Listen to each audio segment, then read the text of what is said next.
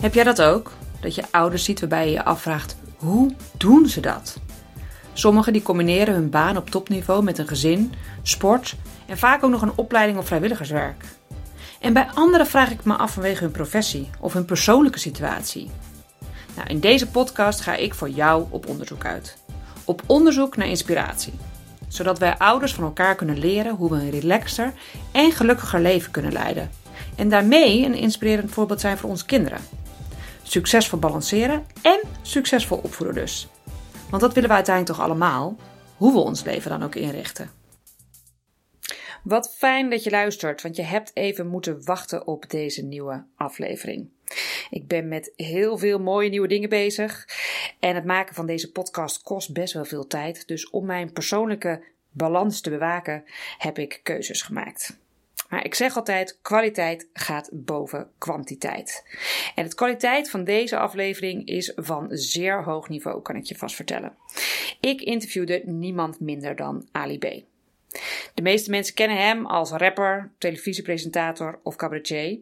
Maar wist je dat hij daarnaast ook vader is van drie kinderen en hij maar liefst twaalf bedrijven heeft? Nou, een mooi persoon dus, waarbij ik denk: hoe doet hij dat dan? Daarom stond hij al eventjes op mijn wenslijstje. En toen ik ontdekte dat hij, net als ik, een enorme passie heeft voor persoonlijke ontwikkeling en dat we zelfs dezelfde missie nastreven in het leven, besloot ik hem te benaderen. Het leverde een prachtig gesprek op, waarvan ik hoop dat het jou net zo inspireert als dat het mij heeft gedaan. Ik wens je enorm veel luisterplezier. Ik heb dus een podcast over balans en er wordt nogal veel gesproken over balans. Tegelijkertijd merk ik ook dat als ik vraag wat is balans nou precies, dat het ook niet helemaal helder is voor mensen. Dus wat is balans voor jou? Ehm, ja, eigenlijk alle positieve emoties. Je bent, eh, ja, hoe zeg je dat? Vloeiend energie.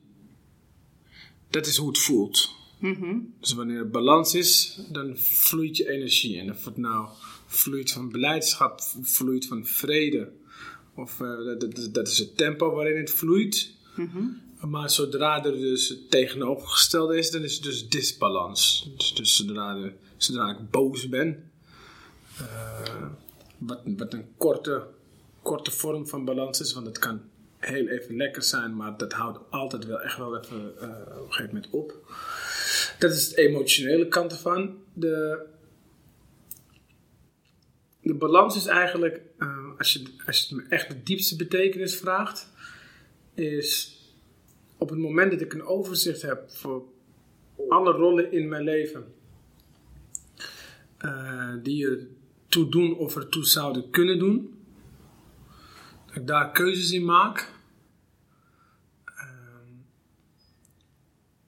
En dat ik, daar, dat ik die dan eh, voorzie in, eh, in, in, in een behoefte of eh, een voldoende op score.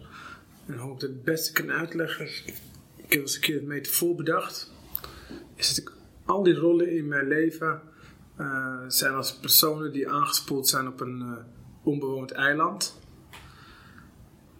Nou, daar, daar, daar willen ze niet zijn, want daar is, daar is niks te doen. Dus wat doe je dan? Die gaan schreeuwen om hulp. En ehm, als ik met een helikopter kom, maar al die rollen die leven in mij, dus al die rollen hebben ook impact in mij, op mij. En s- dus ze kunnen allemaal schreeuwen om hulp. En zodra ze schreeuwen om hulp, ervaar ik onrust. Dus ben ik niet eh, in balans. Als er een helikopter komt, dan gaan die mensen zwaaien naar die helikopter. Die gaan nog harder schreeuwen. Als die helikopter er maar vijf meeneemt en die andere tien worden niet gezien, gaan ze nog harder schreeuwen. Terwijl er zijn wel vijf gered. Dit is ook vaak waar, eh, waar het misgaat, is dat succesvolle mensen eh, niet gelukkig zijn, omdat ze maar vijf van hun rollen hebben gered en tien anderen niet. De kunst is om eh, ze allemaal te redden of te elimineren, om het zo te zeggen, vanuit de helikopter. Sorry, ik praat af en toe in een analogie eh, die misschien niet ieder- iedereen kan volgen. Maar laat ik het zo stellen. Ik, eh, ik ben een vader van drie kinderen. Dat zijn drie projecten. Nou, daar weet je alles van. Eh, eentje is... en- en- ik gevoelsjongen, andere is auditief. en, heeft, die, die is elf, die heeft een volle balzak, er gebeurt van alles mee. En die heeft een andere vader nodig dan die van uh, negen. En die van twee ben ik überhaupt nog aan het uitvogelen hoe ik daar een goede vader voor kan zijn. Dus, dus, ik ben drie keer vader, dat zijn drie rollen. Nou, met alles, alles wat ik daarvoor moet doen om te slagen in voldoende, in emotionele voldoende voor mezelf en voor hun. Want er kan ook nog eens verschil in zijn dat ik denk dat ik het goed doe, maar dat zij het niet zo ervaren. Dus ik moet ook valideren dat het een voldoende is van twee kanten. Dan zijn het al drie rollen. Dan heb ik ook, ben ik ook nog e- echtgenoot. Nou, daar heb hele andere skills en vaardigheden voor nodig om daar van twee kanten voor te slagen.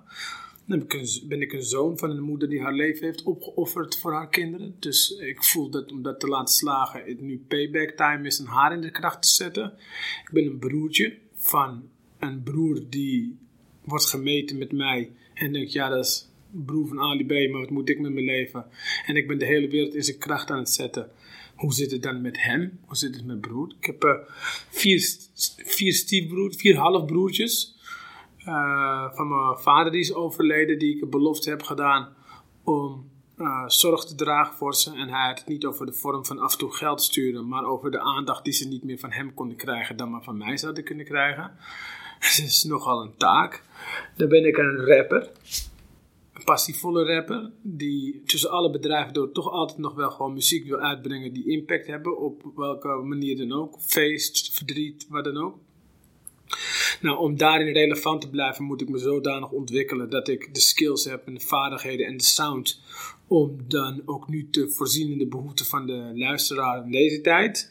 Ik ben een uh, cabaretier en een humorist die uh, nu er geen theatershows zijn, in ieder geval de humor moet in blijven zetten uh, bij programma's als The Voice. Want als er niet gelachen wordt, is het mijn schuld. Dat, die verantwoordelijkheid rust op mij, dus ik moet me ontwikkelen als uh, humorist. Ik heb nog twaalf verschillende ondernemingen, die allemaal iets anders van me vragen. Dan moet ik wel zeggen, de ondernemingen zijn wel op basis van uh, mijn kernwaarden. Dus het gaat altijd over inspiratie, ontwikkeling, humor, verbinding. Uh, dan ben ik nog een, natuurlijk een, een, een, menselijk lichaam heb ik. Dus ik moet me lichamelijk onderhouden. Moet je voorstellen dat ik al die dingen fantastisch doe, maar ik verwaarloos mijn lichaam. Ja, dan word ik ook niet gelukkig. Uh, dan heb ik nog iets spiritueels. Want hoe ga je dat allemaal doen terwijl je je afvraagt wat het leven voor zin heeft? ik bedoel, al die moeite. En als je niet snapt wat het dan voor zin heeft of een manier voor jezelf hebt gevonden om daar zingeving in te vinden. Nou, ik heb, weet je, deze rollen doe ik niet uit mijn hoofd, maar ik weet dat de lijst nog twee keer zo lang is. Uh, en ik ga die altijd uh, ranken van 0 tot en met 10. Uh, vanuit mij en vanuit de mensen die, de andere stakeholders binnen die rol. Dus nogmaals, ik kan mezelf wel een leuke echtgenoot vinden, maar dat moet mijn vrouw ook vinden, anders is het niet geslaagd. Ja, dan zie ik, dan, dan ineens besef ik van, maar wacht eens even, dit gaat helemaal niet lukken. Er zullen er een paar moeten sneuvelen.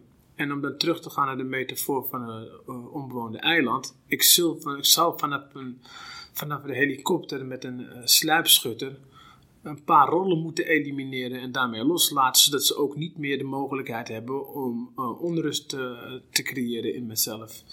Afscheid nemen, dat letterlijk loslaten. En ik ben nou eenmaal gewoon een rapper die houdt van sluipschuttertaal, dus ik uh, gebruik die metafoor dan zo.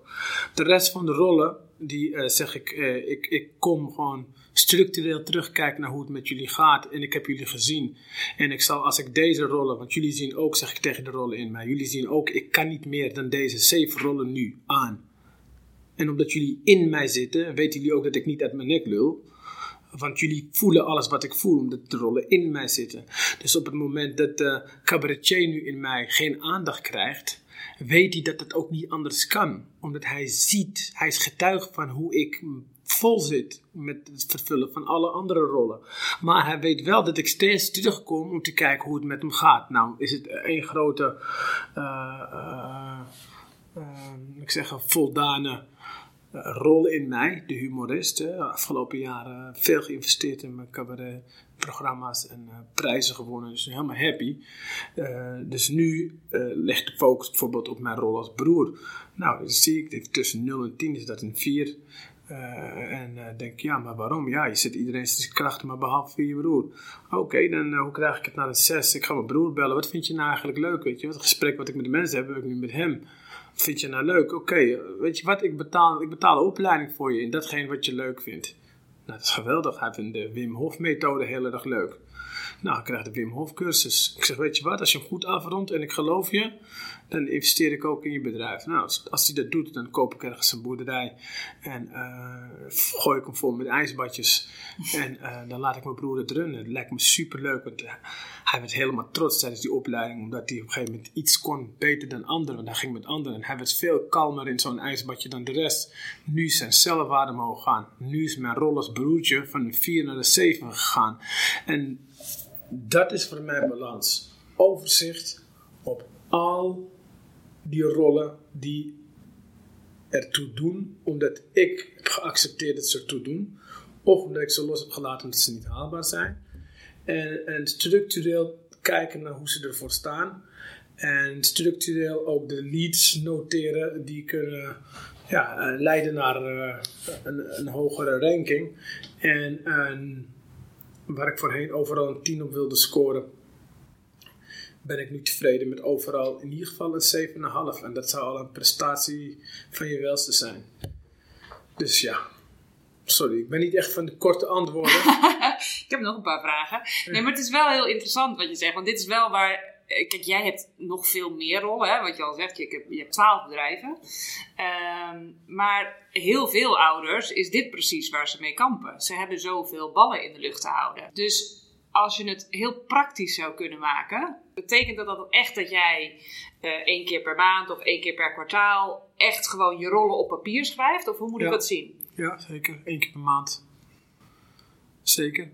Dus, maar ze zijn al uitgeschreven. Ik hoef ze niet en er komt af en toe een rol bij. Dus ik zit nu bijvoorbeeld uh, sinds uh, vorige maand op LinkedIn. Dan is LinkedInner een rol. Oké, zo breed pak je dat. Maar uh, dan kan ik zeggen dat Instagrammer daarvoor sneuvelt. Als ik het niet red. Ja. Dus op een gegeven moment maak ik keuzes daarin. Maar het begint bij overzicht. Mensen worden onrustig en zijn uit balans omdat ze vaak ook geen overzicht hebben, omdat we maar denken dat we alles op gevoel kunnen. Terwijl uh, ik ben gewoon een lijstjesmens en dat ben ik niet altijd geweest, maar sinds ik een lijstjesmens ben, uh, uh, heb ik een vrede wanneer ik wil en extase wanneer ik wil. En ja, dat is wel heel vet. Dat gun ik wel mensen. Maar dat komt, die lijstjes, die geven me overzicht. En overzicht geeft me kan ik vanuit een soort van helikopterview, vanuit een diepere ik, proactiever leven. Dat wil zeggen, ja, het verschil tussen proactief en reactief. Of mijn leven wordt geleid door omstandigheden, of ik creëer de omstandigheden waarin ik mijn leven wil leiden. Nou, voor het laatste kan maar op één manier, en dat is overzicht. Overzicht over mijn emoties, mijn gevoelens en de stand van zaken. En dat kan ik alleen maar als ik het op zijn minst uitschrijf. Sommige mensen bespreken het, vind ik ook niet genoeg. Bespreek je het, ja, nu ligt het bij iemand anders of het hangt in de lucht. Fucking lijstjes. Leef gewoon. Schrijf, schrijf, schrijf, schrijf alles op. Dus ik, ik, maak ongeveer per dag uh, vijf, zes verschillende lijstjes. Uh, omdat ik gewoon heb geaccepteerd dat, dat de gebruiksaanwijzing is, is uh, van het mens zijn dat je namelijk gewoon maar een x aantal dingen kan houden. En als ik dan de ambities zie die ik heb, dan is dat wat ik kan onthouden gewoon niet genoeg om de ambities waar te maken. Dat kan ik alleen maar doen als ik, als ik lijstjes maak, als ik opschrijf, als ik overzicht heb. Zodat ik echte intrinsieke proactieve keuzes kan maken. Maar dat zijn niet alleen maar to-do-lijstjes dan? Nee, het zijn ook reflectielijstjes. Dus dan ga ik gewoon aan het einde van de dag. Uh, wat heb ik dan vandaag goed gedaan? De reden dat ik dat doe is omdat ik. Ja, dat geeft mij kracht, omdat ik dan ineens besef van god, ik heb best wel veel goed gedaan. En uh, dat is niet om uh, narcistisch te worden, maar dat is om mijn onzekerheid over mezelf te compenseren. Omdat ik anders te streng word voor mezelf. En dan denk ik van, wat, ik, ik kan echt dingen. Dus het motiveert me, dat is wat het me oplevert. Tegelijkertijd maak ik gewoon een lijst met waar ik teleurgesteld over ben. En, uh, en dat neem ik weer mee voor mijn andere lijst, namelijk mijn planning voor morgen en de andere dagen. Uh, daar waar ik teleurgesteld over ben, dat motiveert me om het volgende keer beter te doen. Tegelijkertijd, elk idee wat ik heb, schrijf ik op. Direct. Omdat ik gewoon weet dat ik het niet onthoud. Ik weet, het is gewoon de baan. Sinds ik dat besef. De stress is ook bijvoorbeeld, oh, ik heb nu een idee. Fantastisch, het voelt goed, ik schrijf hem niet op. Ik ga verder met mijn leven en hij is weg. Ik krijg het idee over twee weken weer. En dan besef ik ineens, ja, maar ik heb dus twee weken niks gedaan. Terwijl twee weken geleden had ik dit idee al. En dat is weer een onnodig momentje van stress. Voor de rest probeer ik zo min mogelijk uh, na te denken. En zoveel mogelijk te doen. Uh, en in principe heb ik helemaal geen tijd om na te denken. Als ik alle rollen goed wil doen, als ik balans wil in mijn leven, is er helemaal geen ruimte voor de, de denker. Nee. Nee, dit is, dit, is, de eerste die ik heb geëlimineerd. maar ja, hoe elimineer je een denker? Want niet denken is zo uitdagend. Uh, nou, denken is, denken is op zich niet het probleem. Geïdentificeerd zijn met het denken, dat is het probleem. Mm Kijk, als de gedachten er zijn en ze doen zich voor als mij, dan heb ik een probleem als ze er zijn en ik ben gewoon mezelf en ze zijn er, ja, dat is geen enkel. Dat zijn net passagiers in een coupé, ja, wel, goed, prima. Als ik, maar, als ik maar op mijn bestemming kom, weet je wel. En dan mogen zij er zijn. Dus eh, ik investeer heel veel tijd in het loskomen van het denken en denken te laten zijn. En vooral een, uh, uh, een leven te leiden op basis van de wereldbeeld die ik wil hebben en die ik nodig heb om voornamelijk de gedachten en de handelingen te, uh, te hebben en die me motiveren om datgene te doen, om te realiseren wat ik wil achterlaten. Uh, en ja, daar, daar ben ik eigenlijk uh, volledig mee bezig. wat, wat, wat komt erbij kijken van mijn geval? Ja, weet je, ik, ga nu, ik, ga nu, ik vertel je nu 18 jaar ervaring aan innerlijk dialoog, weet je wel. En ik praat er nu zo makkelijk over. Het is ook super makkelijk voor mij, maar het is wel 18 jaar ontwikkeld. Ja. 18 jaar geleden heb ik dit gestart. Toen ik me afvroeg van waarom ik gedachten en emoties had die ik niet wou hebben. En is er een mogelijkheid om uh, daar meer controle over te krijgen. Vanaf dat moment is mijn studie daarin begonnen. Ja, nu, nu kan ik erover praten. En dat is ook waarom ik zoveel kan doen. En me gewoon lekker kan voelen, vrolijk en zoveel kan geven. Uh, ja, dat is het resultaat. Maar het gaat niet over één nacht ijs. Alleen je moet toch ergens beginnen. En dit is uiteindelijk wel waar het op neerkomt. Dus ja, hoe werkt zo'n dag? Ik kom zo'n dag. Nou, dan voel ik iets wat ik niet wil voelen. Dan vraag ik me af waar het naar ligt. Nou, het kan zijn dat ik op een bepaalde manier naar een bepaalde situatie kijk. Nou, heb ik de vermogen gecreëerd om die situatie ook nog van acht verschillende andere posities te bekijken. En misschien vanuit de positie waarin ik denk: hé, hey, dit kan ik naar mijn hand zetten. Hier kan ik zelfs voordeel uithalen. Hier kan ik zelfs uh, sneller op mijn bestemming uh, komen. Nou, dat gaat bij mij, het gaat over een kwestie van, van, van misschien 20, 30, 40 seconden heb ik daarvoor nodig om dat in één keer om te zetten. Soms, soms heb ik daar maar een seconde voor nodig. Uh, simpelweg omdat ik dan erop vertrouw. En dan ervaar ik een stressvolle situatie. Stress betekent dat ik me emotioneel verzet tegen iets wat is. Nou, dat, dat is natuurlijk nooit per definitie een probleem. Uh, dat ik me verzet is het probleem. Want uh, ik heb al duizenden malen bewezen dat ik van het probleem altijd weer een kans kan maken. Dus het is nooit een probleem. Het is altijd mijn benadering van de situatie. Nou goed, dat verhaal ken je al. Ja. Alleen ik heb er wel heel snel van, oh probleem, wat een fantastische kans. Maar welke kans is het dan Ali? Dat weet ik nog niet. maar, ik, maar ik weet het niet mis. Ik ben 100% van overtuigd dat er iets veel groters en moois hierachter schuilt. En uh, dat gaat zichzelf aan me, uh, manifesteren en, en verschijnen. En dat, hoe, hoe, meer ik daarvan overtuigd ben, hoe sneller ik dat zal zien. Omdat eigenlijk is dat een commando die ik geef aan mijn hersenen om de kansen te zien in dat wat ik ervaar als een stressvolle situatie of als een probleem. En als ik mijn hersenen commanderen om daar de kans in te zien, ja, dan gebruik ik dus mijn hersens. En over het algemeen worden mensen gewoon gebruikt door hun hersens. Simpelweg omdat we gewoon bij ons geboorte niet een gebruiksaanwijzing krijgen zoals we die wel op televisie krijgen als we televisie kopen. Ja, dit is hoe die werkt. Maar ja, en hier, ja, hier is elke generatie moet het maar weer uitzoeken en uh, en elke keer moeten we het opnieuw weer leren, want dat is het hele ding. Als de hele wereld nu uh, volledig uh, in harmonie gaat leven en we we hebben de gebruiksaanwijzing benut en we krijgen kinderen. Nou, die kinderen zullen toch wel echt weer opnieuw moeten leren. Dat is iets niet wat, wat je genetisch over kunt geven. Ja. Uh, dat is ook weer, zij worden gevormd door hun beeld van de wereld en de manier waarop zij emotioneel proberen te overleven en welke keuzes ze daarin maken en welke gewoontes we daarin creëren en, en daarin gevormd wordt. Dus ja, al geef je ze wel al enorm veel mee als voorbeeld, als ouder, als je daar zelf enorm mee bezig bent en dat doorvertaalt in je manier van Zeker, maar dat is weer een andere leuke. Weet je, als wij uh, volledig uh, gebruik maken van onze dingen, dan heeft de evolutie altijd geleerd dat we nieuwe uitdagingen krijgen. Ja. En daar hebben we dan weer onze handen vol aan. Dus als wij nu van A naar B, en voor E, B is harmonie en, en het optimaal gebruik van wat we nu doen, dat betekent dat we dan nieuwe handelingen hebben, nieuwe resultaten, nieuw wereldbeeld, nieuw, nieuw wereldbeeld, nieuw zelfbeeld. En dat, dat zegt het al. Wat, wat zie je dan in een nieuw wereldbeeld, een nieuw zelfbeeld? Nieuwe kansen. Ja, en probeer maar een mens die een kans ziet eh, te vertellen dat hij hem niet moet benutten. Dus dan gaat de focus daar weer op liggen. Ja, dat is gewoon eh, de circle of life. Ja. Ja, jij zegt van ik ben hier eigenlijk, uh, we noemen dat even onder de noemer persoonlijke ontwikkeling, 18 jaar mm. mee bezig. Mm. Dat zorgt er nu voor dat jij al die rollen relatief makkelijk, mag ik het zo uh, vertalen? Kan invullen? Makkelijker. Makkelijker kan invullen. Dus niet makkelijk, makkelijker. Makkelijker. En ik denk nooit in termen van makkelijk of moeilijk.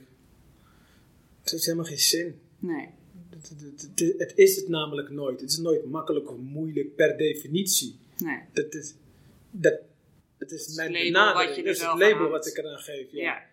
Maar goed, luisteraars uh, die uh, zijn niet 18 jaar geleden begonnen.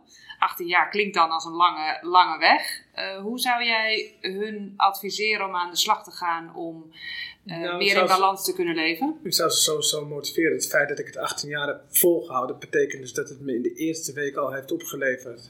Want je kunt alleen maar iets 18 jaar volhouden als het echt wat te halen valt. Ja. Dus als je hier begint aan je persoonlijke groei, dan zul je zo snel daar de vruchten van plukken dat er geen weg meer terug is daarna. Ja. Er is nooit, als je eenmaal van persoonlijke ontwikkeling hebt geproefd, is er geen weg meer terug. Je gaat nergens meer voldoening voelen. Ja. En vanaf dat moment ben je de lul. In positieve zin. In positieve zin vooral, ja. Want ik herken dat natuurlijk ook enorm. Want die passie, die deden wij. Maar, maar het is wel dus persoonlijke ontwikkeling in alles. Hè. Dus mensen, dat is balans. Weet je. Mensen gaan 100% een vriend van mij, Arco van Brakel, uh, oud-directeur van de Baak, die zei het heel mooi. Hij ging altijd over de 100% voor, tenminste dat dacht ik.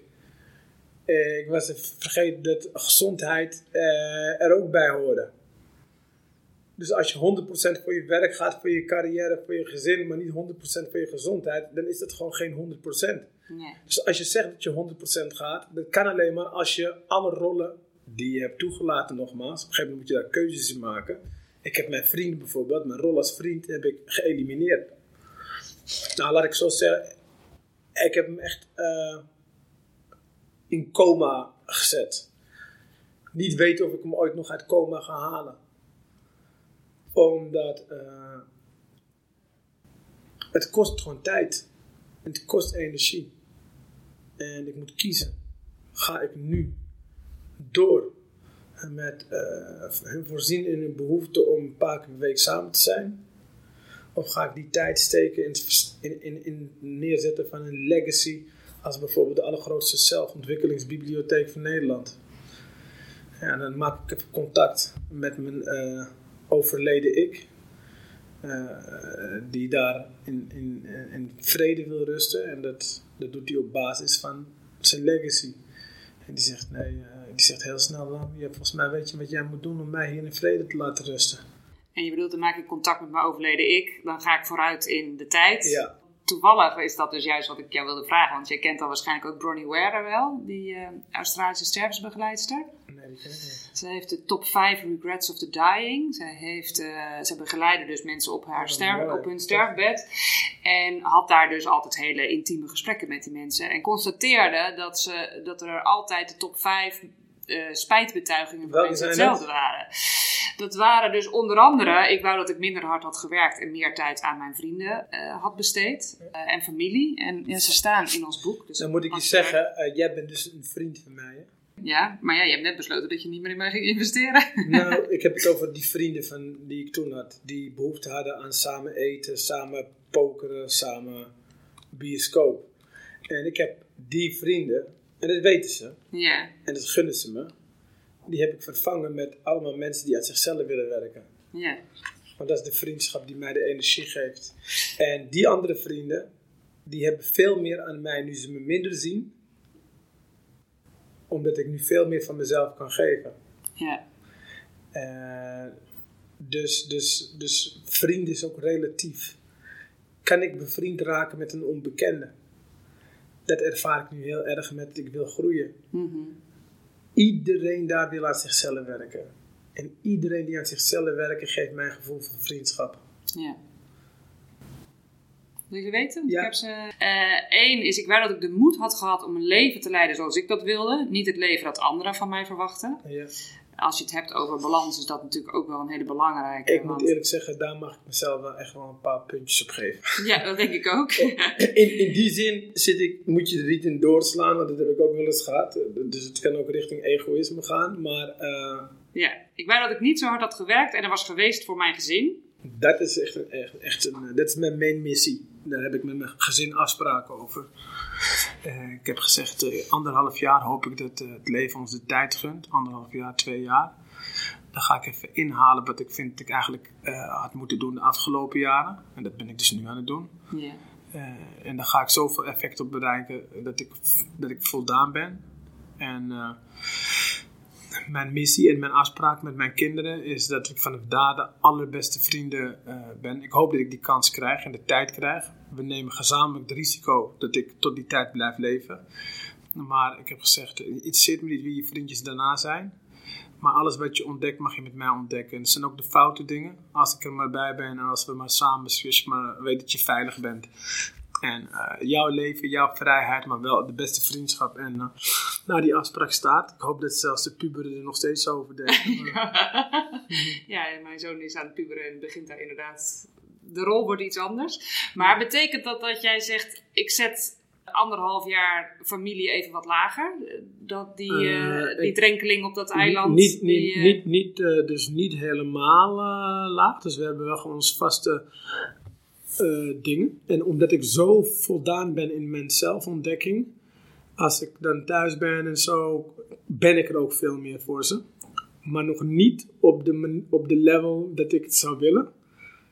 En daar heb ik wel anderhalf jaar de tijd voor afgesproken met, uh, met mijn kinderen. Wow. Omdat, omdat, ik, omdat ik de afgelopen jaren niet het leven heb geleid wat ik wou leiden, maar het leven heb geleid. Uh, ook heel veel het leven heb geleid wat anderen wouden dat ik uh, ging leiden. En dat is uh, omdat uh, verwacht wordt dat als je succesvol bent, dat je dat dan maar moet vasthouden. Terwijl, wie zegt dat het zin, zin gevoel van zingeving heeft. Ja. Dus ik ben eigenlijk, ik mag het niet zeggen, maar ik ben ook door corona bevrijd van mijn succes. Waarin ik vast zat. Mm -hmm. Ik heb een theatershow die had ik al twee keer zelf gecanceld. Die bestaat al sinds 2016. Was meteen uitverkocht. Toen heb ik gecanceld de eerste keer met een lulverhaal. Maar ik wil eigenlijk gewoon muziek maken. Dus ik ben toen muziek gaan maken. En uh, toen heb ik echt de mooiste liedjes uit mijn leven. Als ik huilde Limbia en zo. Het liedje voor mijn kinderen en zo. En, uh, ik heb dat soort liedjes gemaakt. nou, toen de tweede keer dacht ik, nou, eigenlijk nog steeds geen zin. Maar ja, als ik niet ga, dan moet ik boetes betalen. Dat vind ik ook weer heel heftig. Uh, uh, dus heb ik hem weer gecanceld. Maar toen, omdat ik uh, mijn, derde, mijn derde zoon kreeg, Nouri. En dat is wel fijn, want dan kon ik met mijn kinderen zijn, met mijn gezin. En nu is hij dus weer eruit gehaald. Door corona. Door corona. Hm. Maar het grappige is, de show die heet Koorts. dus het lijkt wel alsof het één grote plannetje van mij was, alsof ik het allemaal wist. En uh, ik weet niet waarom ik het zeg. Nou, je zegt net dat je uh, wel tijd aan je gezin besteedt, maar nog niet op de manier waarop je dat zou willen. Zit dat dan, want je zegt ik ben wel thuis, maar dan ben ik er niet zoals ik het eigenlijk zou willen. Zit dat dan in, in aandacht? Ja, dat zit hem in, omdat sommige dingen uh, wil ik gewoon niet op latere leeftijd doen. Dus ik ben nu keihard aan het rammen op uh, muziekgebied. Ik ben 39. Ik, de jeugd heeft nog affiniteit. Ik, bedoel, ik heb net weer een liedje uitgebracht gisteren over half miljoen views per dag pakt. Maar ik voel dat als ik in de 40 zit, dat ik daar op een gegeven moment afscheid van wil nemen. Dus het is meer om een waardige afscheid te nemen van een aantal initiatieven die ik wil. En ik wil een goede fundament neerzetten van mijn legacy. Dat is de zelfontwikkelingsbibliotheek. Dat is ik wil groeien. Dat is volledig in mijn kracht zijn en daar vol van leven, zoveel mogelijk impact verspreiden.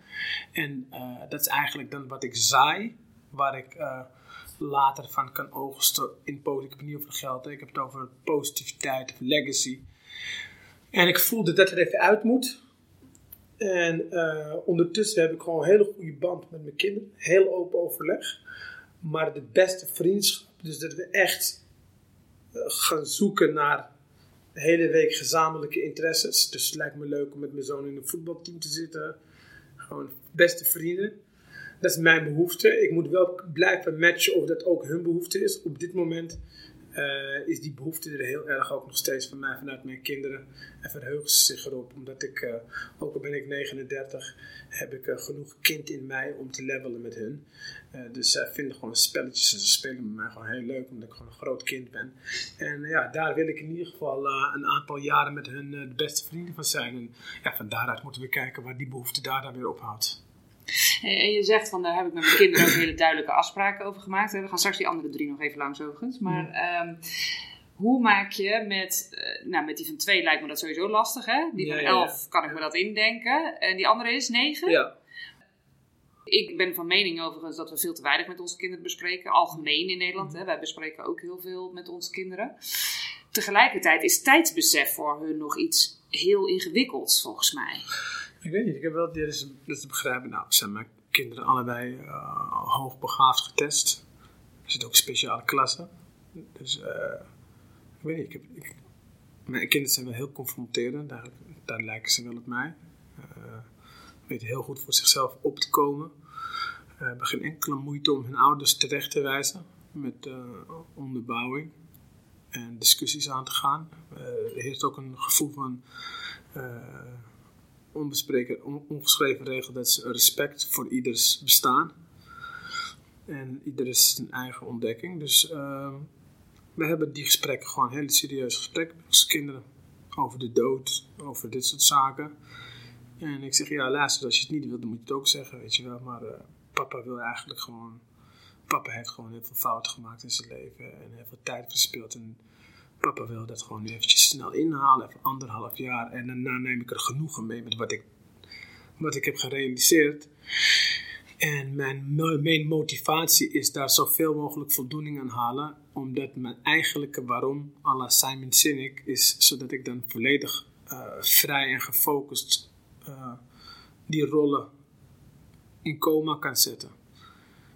En dat ze niet meer gaan zeuren als ik met jou ben, want als ik nu met jullie ben, dan, uh, dan heb ik nog zoveel rollen in mij die zich niet uh, gehoord voelen en die, die, die, die gaan ten koste van de kwaliteit. En uh, ja, ik kan die rollen kan ik elimineren, maar ik wil ze eigenlijk houden. Dus ook, nou, gaan ze akkoord mee. Het is een beetje een middenweg vinden daarin. Nou ja, je moet ook een middenweg met je vrouw, denk ik. Ja, ja. ja maar daar ben ik ook al eens 19 jaar mee. Ik ben op mijn 21ste getrouwd.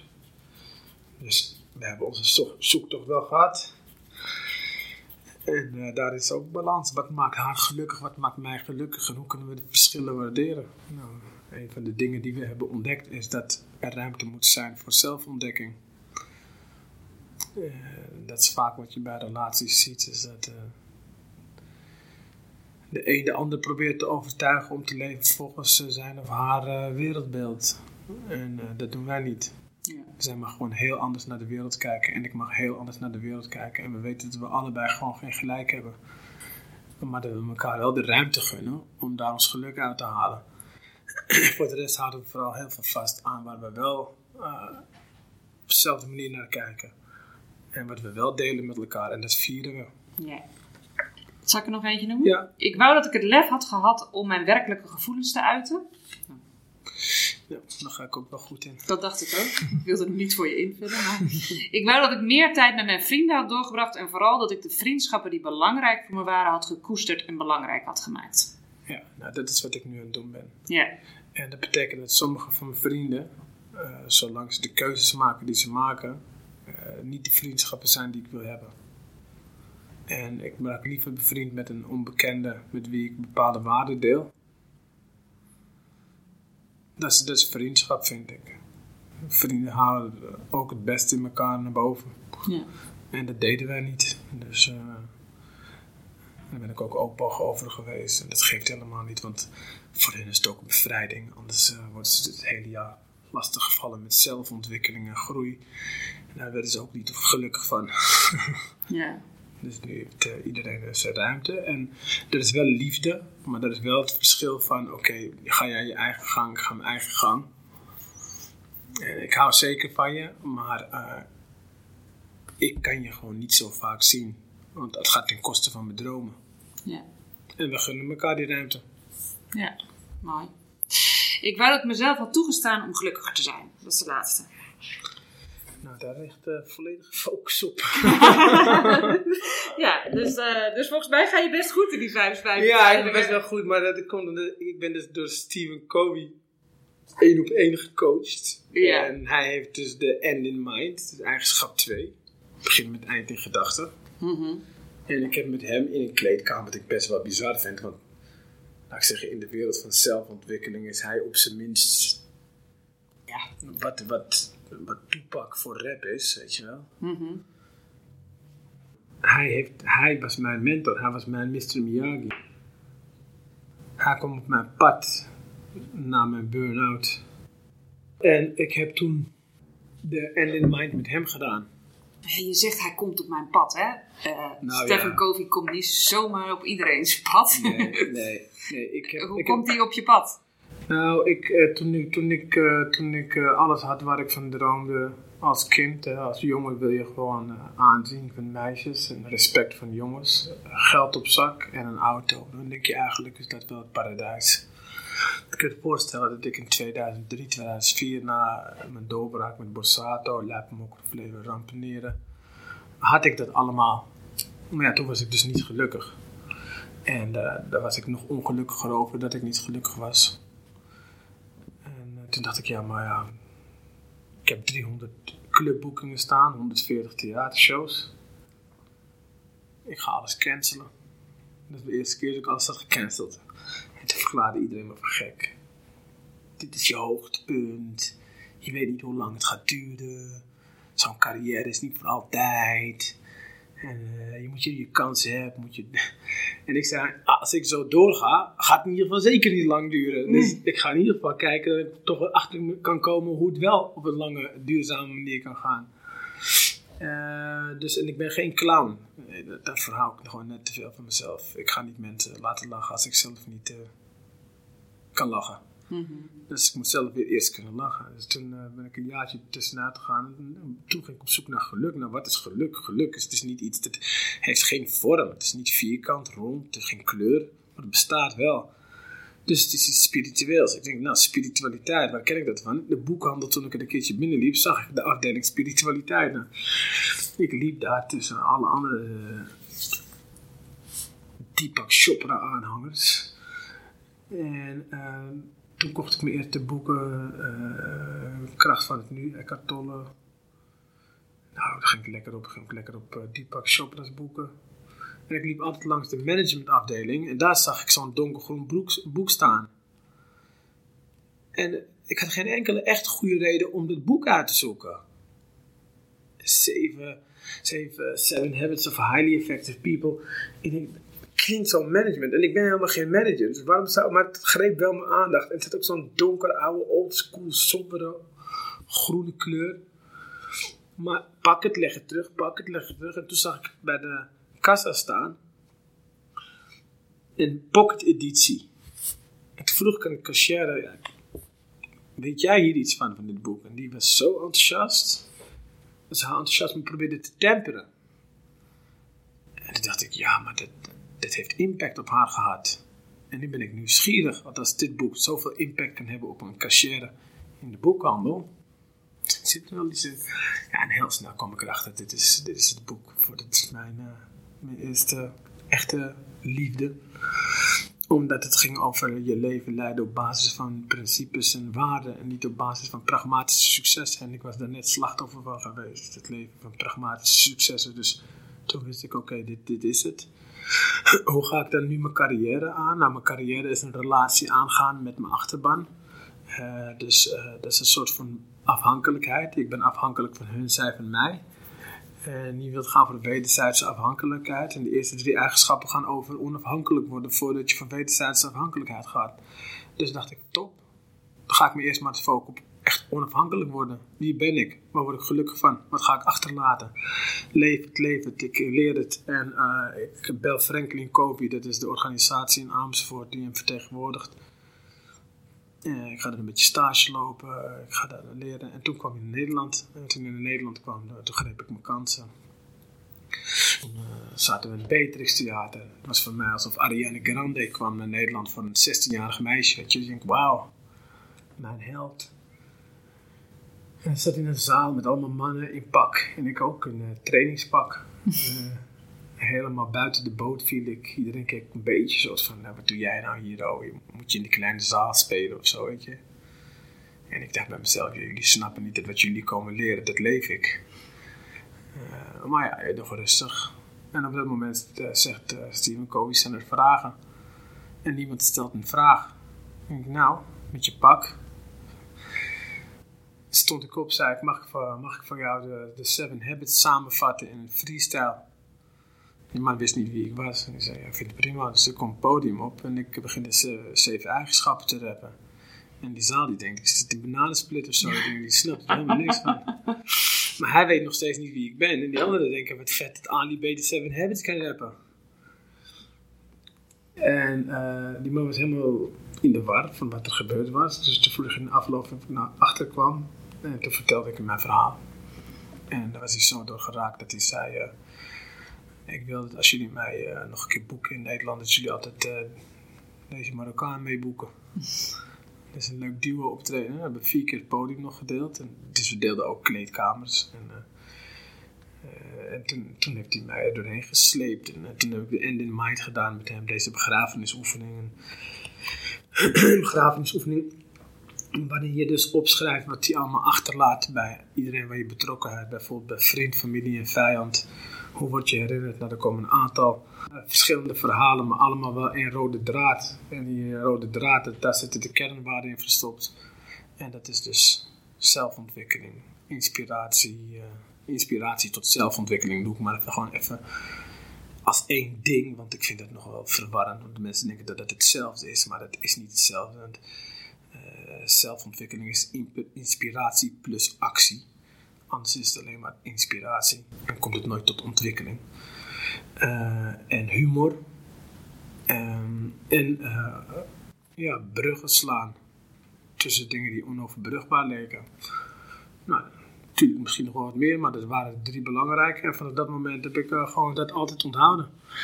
En toen wist ik, als het hierover gaat, kan ik van, van gewoon een broodje kaas leven.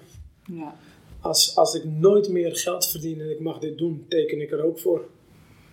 Dus laat ik dan maar proberen hier mijn geld mee te verdienen. En toen heb ik mijn carrière groot laten lopen met deze kernwaarden. Dus als ik naar de voice kijk, dan is dat wat ik doe. Laten lachen, aansturen tot zelfontwikkeling en soms werelden bij elkaar brengen die onoverbrugbaar liggen. En dat doe ik met Ali weer volle toeren nu, het programma. Dat doe ik met theatershows en dat doe ik nu met uh, deze podcast en dat doe ik met... Uh, en, en, en, dat is de motor waarop, waarop ik leef. En dat is de contact met de toekomstig overleden ik die ik heb. Ja. Die zegt, het is goed zo. Wij hebben allebei een, een, missie op het gebied van persoonlijke ontwikkeling. Hè? Uh, ik hoorde jou zeggen dat je dat door wilt laten sijpelen in alle lagen van de bevolking. Mm -hmm. Nou, mijn missie is het om de normaalste zaak van de wereld te maken. Mm -hmm. ja, komt redelijk op hetzelfde neer. Er, er, heerst, en dat wordt wel ietsjes minder, maar er heerst nog altijd best wel een beetje een taboe op persoonlijke ontwikkeling. Hè? Over van, ja, weet je wel, een beetje vaag, uh, coach heb ik niet nodig. Uh, wat is jouw visie om zo'n taboe meer te doorbreken?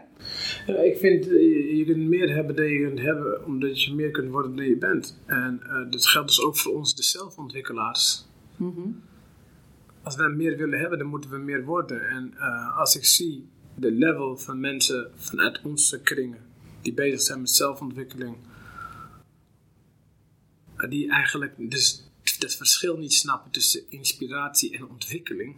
Mm-hmm. Dus uh, je, zelfontwikkeling is uh, nu van, oh, dit zijn de inzichten. Dat, en, en, dan denken, dan ben je er. Nee. Dat is de inspiratiebusiness. Dat is, dat, is, dat is nog niet eens de helft van het werk. Dus als wij alle zelfontwikkelaars sketches zouden toepassen wat we wisten, dan zouden we tot zulke interessante persoonlijkheden uitgroeien dat de mensen veel meer van ons zouden aannemen. Mm-hmm.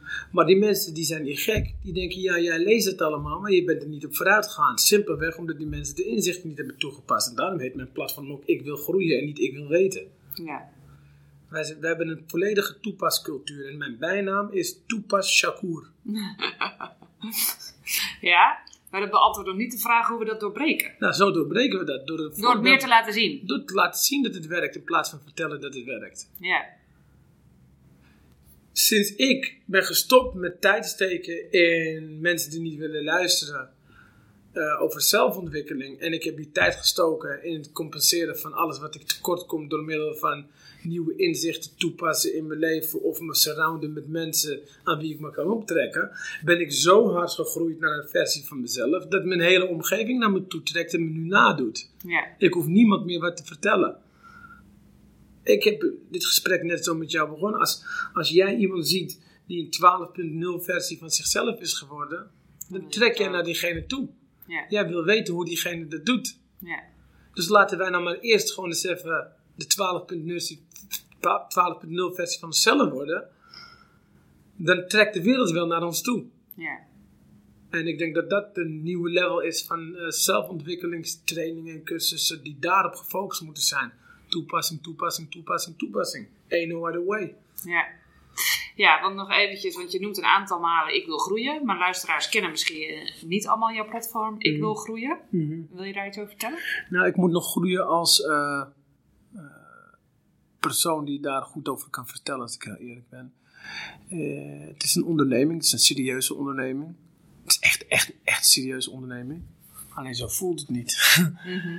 Het voelt voor mij als een oplossing in mijn leven, namelijk ik vroeg me af wanneer heb ik het gevoel dat ik echt vol van leven ben. En dat is wanneer ik met mensen ben die aan zichzelf willen werken. En als, als zij dan transformeren tot degene die ze willen worden, ja, dan, dan, ben ik als een kind in de jamin. Mm Ik ben dan niet normaal, dan ben ik helemaal vol van leven. En dacht ik, ja, maar waarom creëer ik dan niet die omstandigheden? En dat heb ik met Ik Wil Groeien gedaan. En, een programma uh, een programma en daarmee ook een community. Uh, waarin iedereen die aan zichzelf werkt. Dus niet iedereen die nieuwe inzichten opdoet, hè, dat is echt iets anders, maar iedereen die ook daadwerkelijk de inzichten toepast. Daar elke dag samen mee komen op een besloten Instagram-account, zodat we ook makkelijk contact kunnen hebben vanwege de live mogelijkheden die er zijn. Soms ben ik zomaar op een dag ergens waarvan ik denk, en nu is tof om met deze groep even snel contact te hebben. Dit wil ik met jullie delen. Nou, dat is wat het is en dat is veel uitgebreider. Want ik deel dus deze podcast ervaring die ik nu met jou heb, die, die deel ik dan over het hele jaar met nog eigenlijk honderd keer meer dan dit. En elke actuele ontwikkeling die ik doormaak, uh, deel ik ook. En ik deel uh, ik deel nu ook de weg van mijn transformatie. En niet alleen dat je denkt, ja, die Ali die zich ontwikkelt, maar ook de manier waarop en hoe en wanneer. Ik deel dat volledig. En, uh, maak, en ik faciliteer het voor de mensen die meedoen aan het programma. om dan ook dezelfde dingen te doen. Om ook hun eigen transformatie te ondergaan. Ja, het is gewoon een groot feest. Ja. En mensen kunnen altijd instappen? Ja, kunnen instappen. Er zijn, uh, twee, uh, er zijn drie dingen. Eentje is de zelfontwikkelingsbibliotheek. Die ben ik net begonnen, maar dat gaat veel te hard. Die is ook voornamelijk, eigenlijk voornamelijk bedoeld voor mensen die onder de armoedegrens leven. En misschien kinderen en zo uit jeugdinternaat en zo. Die leen ik gratis een boek. Daar wil ik ook niks. Ik heb geen geld voor. Dat financier ik en faciliteer ik wel vanuit ik wil groeien. Daar vraag ik uh, 39 euro uh, per maand voor het programma. Wat ik echt een habbekrats vind, dan zeg ik het zelf, voor de waarde die, uh, die, die, die ik breng daarmee. Mm -hmm. Ten opzichte van wat er geboden wordt aan standaard mindset cursussen en zo. en er is eentje van, uh, maar die kan ik niet heel lang gaan doen. Die is van 120 euro per maand. En daar vindt er een uh, persoonlijke intake plaats met mij. En uh, komt er accountability eigenlijk bij kijken. Want vanaf dat moment gaan we samen een traject in. En dan geef je mij eigenlijk de toestemming om jou de schop onder je reet te geven die ik aan mezelf geef. En de confrontatie aan jou te geven die ik aan mezelf geef. Gewoon de behandeling aan jou te geven die ik aan mij geef. Daar krijg ik groen licht voor. En de, die mensen zie ik gewoon zes keer per jaar, dus om de twee maanden om te kijken wat ze in die twee maanden daadwerkelijk hebben toegepast van doelgerichte studie die we in gang hebben gezet. Nou, ik vind, ik vind het nu super leuk om te doen. Uh, het is business-wise een heel raar en dom uh, businessmodel, omdat het super veel tijd kost. Maar ja, ik zoek mijn grens op en dan stop ik de aanmeldingen. ja. En dan is dat wat het is. En dan ga ik van daaruit weer verder leven, want het is veel makkelijker om een soort geautomatiseerde cursus te hebben waar je geen operator bent. Maar ik ben hier gewoon operator. En mensen zeggen, ja, ik wil altijd van business operator naar owner gaan. Maar ja, heel eerlijk gezegd, ik wil dit hier helemaal niet. Nee. Want de operations brengen mij ook zelf heel veel. Omdat ik dus ja, andere mensen accountable uh, hou. Uh, moet ik practicen wat ik preach. Dus het is voor mijzelf ook een lekkere stok achter de deur om te blijven toepassen wat ik allemaal weet. Ja. Nou, dat is gewoon een fantastisch avontuur. Uh, super energiegevend en de dankbaarheid is echt kippenvel. Als, ik je, ik, ik, als, ik je, als, ik, als, je, als, je de, als je de mensen die aangesloten zijn spreekt, en de transformatie die ze ondergaan, en, en, en dat, dat, dat ik dat al heb mogen bijdragen, daar zit de, de toekomstig overleden ik wil echt gewoon lekker te te chillen. Die denkt echt, nou top. Thanks voor deze. Dus uh, ja, dat is, dat is wat het is. En, eh, waarschijnlijk, ik weet niet of dit nu als een duidelijk verhaal klinkt, maar nogmaals, ik moet groeien. En uh, soms denk ik van ja, Ali, doe nou eens even je best om dit op een manier te vertellen dat de mensen het kunnen volgen. En ik, ja, dat kan. Dat zou kunnen. Tegelijkertijd denk je, ja, maakt het uit, joh. Ik doe al zoveel. Ook een beetje lief zijn voor mezelf. Dus uh, ik heb het in ieder geval ongelooflijk naar mijn zin. En ik heb altijd gezegd, joh, als ik het verschil kan maken in het leven van vijf mensen, ben ik al blij. Maar dat gaat nu gewoon veel harder. Hey, wij kunnen nog volgens mij nog heel lang doorpraten, want ik heb ook nog echt eigenlijk heel veel vragen. Maar ik heb ook een aantal vriendenboekjes vragen voor je. Ja. Het leukste dat ik samen met mijn kinderen heb gedaan is? Het leukste wat ik samen met mijn uh, kinderen heb gedaan is...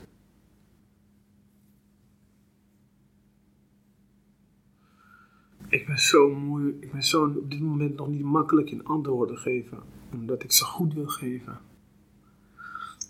Ik kan zomaar iets zeggen. Oh ja, ik weet het. Uh, jungle in Maleisië. En waarom?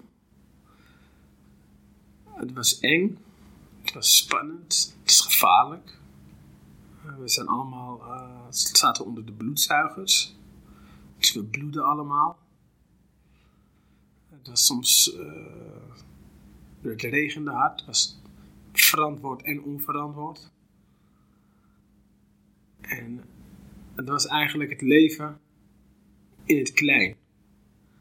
En hoe we daar samen doorheen zijn gekomen is, is niet per se de jungle, maar hoe we dat hebben, hoe we daarmee zijn omgegaan. Dat is iets wat we uh, als metafoor kunnen houden voor, de, voor het leven.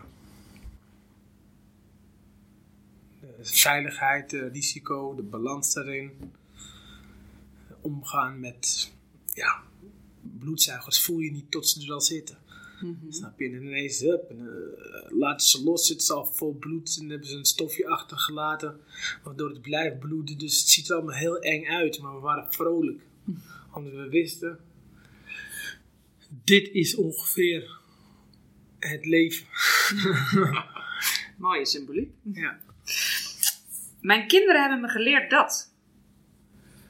Uh, mijn kinderen hebben geleerd dat als ik iets verwacht van iemand, dat ik op zijn minst daar het goede voorbeeld in moet geven. En anders moet ik het niet verwachten. Wat mijn kinderen niet van mij weten is.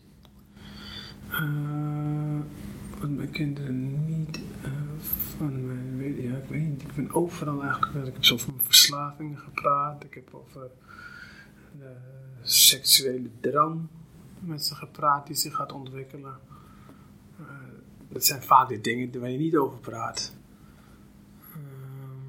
Uh, ik heb uh, mijn schuldgevoel naar ze geuit. Mijn schaamte, mijn zoektocht. Toen ik rookte heb ik wel even tegen ze gelogen dat ik niet rookte. Daarna heb ik een afspraak gemaakt dat ik niet meer wilde liegen. Dat als ik ga roken, dat ik dat gewoon doe, dat het mijn leven is. Maar ik ga dat niet meer doen. Ik heb nu wel dat ik, als ik een keer ooit een shisha wil doen, waar ik helemaal geen behoefte aan heb, maar ik wil mezelf wel de rek geven, heb ik wel gezegd van jongens, ik ga niet meer tegen jullie liegen. Als ik een shisha wil doen, ga ik dat doen. Het is gewoon mijn fucking leven. En uh, dat is wat het is. En uh, ik ben niet van plan om het te doen. Maar als ik het wil, dan doe ik dat één keer. Nou, dan gaat het. Mijn kinderen zijn echt van de rookpolitie. Dus dat is. Dus ik zit te denken, ja, wat weten ze nou niet van mij? Ik vertel ze dat, ik verdrietig ben uh, geweest en uh, dat ik verdrietig kan zijn af en toe. Dus mijn emoties uit naar ze. Ik zit echt te zoeken. Ja, het kan ook niks zijn, hè? Ja, dat vind ik wel verdacht. Dat er niks vind ik, dan denk ik, maar ik moet er, ik moet er even naar zoeken. Ja, niet iets wat nu, wat, wat bewust nee, achtergehouden. Nee, en omdat, omdat ik uh, als humorist uh, heb ik de vaardigheden om dingen die je eigenlijk niet kan zeggen, toch kunt zeggen. Dus ik denk dat daardoor ik ook gewoon kwetsbaarder kan zijn. Humor is sowieso een van de hoogste vormen van kwetsbaarheid, omdat het gaat over leedvermaak. En we schamen ons vaak voor onze leed. Terwijl de humorist vermaakt mensen met zijn leed. Door middel van zelfsport, et cetera. Dus het is wel een heel, vanuit de basis al best wel enorm kwetsbaar. Ja. Ja, nee. Ik heb een makkelijkere, denk ik. Nou, mijn, makkelijke vragen voor mij. Mijn favoriete ik, voorleesboek. Maar elke boek zonder tekst. Oké, okay, waar je zelf je verhaal aan. Ja. Elk boek met plaatjes waar ik zelf mijn verhaal is mijn favoriet. Uh, zowel voor mijn kinderen, omdat het boek elke keer andere betekenis kan krijgen. En omdat ik het verhaal ter plekke moet bedenken, uh, ik altijd opnieuw de spanning erin moet bouwen en de plots moet vinden. Dus mijn kinderen vinden dat ook het leukste. En ik vind dat zelfs leuk, want anders val ik in slaap. En denk ik, jee, voorspelbaar kut verhaal. mijn favoriete tegeltjeswijsheid. Je kunt meer hebben dan je hebt, omdat je meer kunt worden dan je bent. En je zult alleen maar meer hebben dan je hebt als je meer wordt dan je bent. Dat is, dat is de, de meer worden is dus ik wil groeien, daarom ben ik er gestart. Ja, en ik las ook uh, ooit uh, in een interview bij jou, om te komen waar ik niet ben, moet ik doen wat ik niet doe. Ja, en om te... doordenken. Ja, natuurlijk. En, en, en, als ik doe wat ik niet doe, krijg ik wat ik niet had. En dat zorgt er weer voor dat ik word wie ik niet was. Dus het komt altijd neer op ik wil groeien. Ja. En um, ik zou best graag een dagje willen ruilen met. Ik zou best dag willen ruilen met uh, Geert Wilders. Blijf ik fascinerend vinden. En dan van daaruit allemaal liefdesverklaringen naar moslims en Marokkanen sturen. en dan de volgende dag terugkeren. Hey, hey, heb ik dat gezegd? heb ik dat gedaan? En dan vet lachen.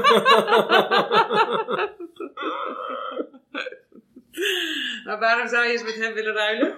Nou, gewoon puur voor de grap. Omdat ik, de, de grappenmaker in mij zag daar een goede grap in. Ja. Hey, wat ik al zei, volgens mij zijn er nog heel veel dingen die we kunnen bepraten. Maar is er iets... Eh, je begint al te gapen. Ja, ik wil water drinken. Dus uh, is er iets waarvan je zegt, nou, dat, dat wil ik nog uh, kwijt? Hey, volgens mij uh, is dit een van de meest inhoudelijke podcasts die ik heb gedaan. En ik ben op een missie, jij bent op een missie. En ik zal even kijken, ik vind dat leuk om... dan valt het kwartje ineens en dan denk ik, oh, nou, ik moet haar hebben daarvoor. Dus uh, ik ben benieuwd hoe jij straks uh, valt in de missie. En ik bij jou. Yeah. Ja. Dus hartstikke goed. Uh, misschien, ik ben bezig met een Ik wil groeien serie aan boeken. waarin ik wil groeien als ouder straks ook een rol zit. En de vorm is dat ik altijd met vier deskundigen erover ga praten. Mm-hmm. En dan aanvul met mijn eigen verhalen en anekdoten. Mm-hmm. En misschien dat ik jou wel ga benaderen ook om als een van de deskundigen uh, aan, aan de ik wil groeien als ouder. Want je hebt ook ik wil groeien als rapper of ik wil groeien als marketeer of als leider. Maar um, als je leuk lijkt. Ja, lijkt me heel erg leuk. Ik heb zelf, uh, ben ik het boek het lezen, de boek You Wish to Paris. Uh, oh, ja, ik heb hem nog niet gelezen, maar ik ja, ben wel boek. benieuwd. Wel pittig, yeah. maar goed. Ja? Ja. Oké. Okay. Ja, ja. Want ik heb voordat wij ons boek schreven, mijn man en ik, heel veel opvoedboeken gelezen. En er waren zo weinig goede, vond ik, goede opvoedboeken. Ja, ja. Dus ze waren of veel te inhoudelijk en waardoor je er gewoon, ja, weet je, als gewone burger niet doorheen komt. Nee, dit is wel een pittig boek voor gewone burgers. Dat kan ik je nu wel vertellen. Ja, dus dat is wel uh, de insteek die wij van het moet ook lekker leesbaar zijn. Nee, maar dat zie je, gelijk. Je uh, ziet dat, dat het toegankelijk ook... is, negen stappen. En je ziet ook wat de manier waarop je het schrijft, zie je al gewoon dat het al goed ziet. Er echt goed uit. Ik zie de speelse vorm. Ik zie, uh, ik zie wat, wat mooie dingen vanuit de NLP. heb je een NLP-achtergrond? Ik heb geen NLP-practitionersopleiding, nee. maar wel, ik ken, heb wel er veel boeken over gelezen. Ja, ja maar ik, dus, ik, ja. als ik zo doorblader, supergoed boek. Ja. Als ik de hoofdstukken die je belooft, uh, het is te gek, leuke plaatjes, goed geschreven. Het is voor jou. Helemaal top. Ik zal er, uh, zodra wij onze funding hebben, waar jij ook aan mee hebt gedaan, hier ook een stuk of uh, 50 van bestellen dan. Ja. Cool. Leuk. Dankjewel. Jij bedankt. Aan dit prachtige gesprek heb ik weinig meer toe te voegen. Behalve een aantal plekken waar je terecht kunt voor meer informatie.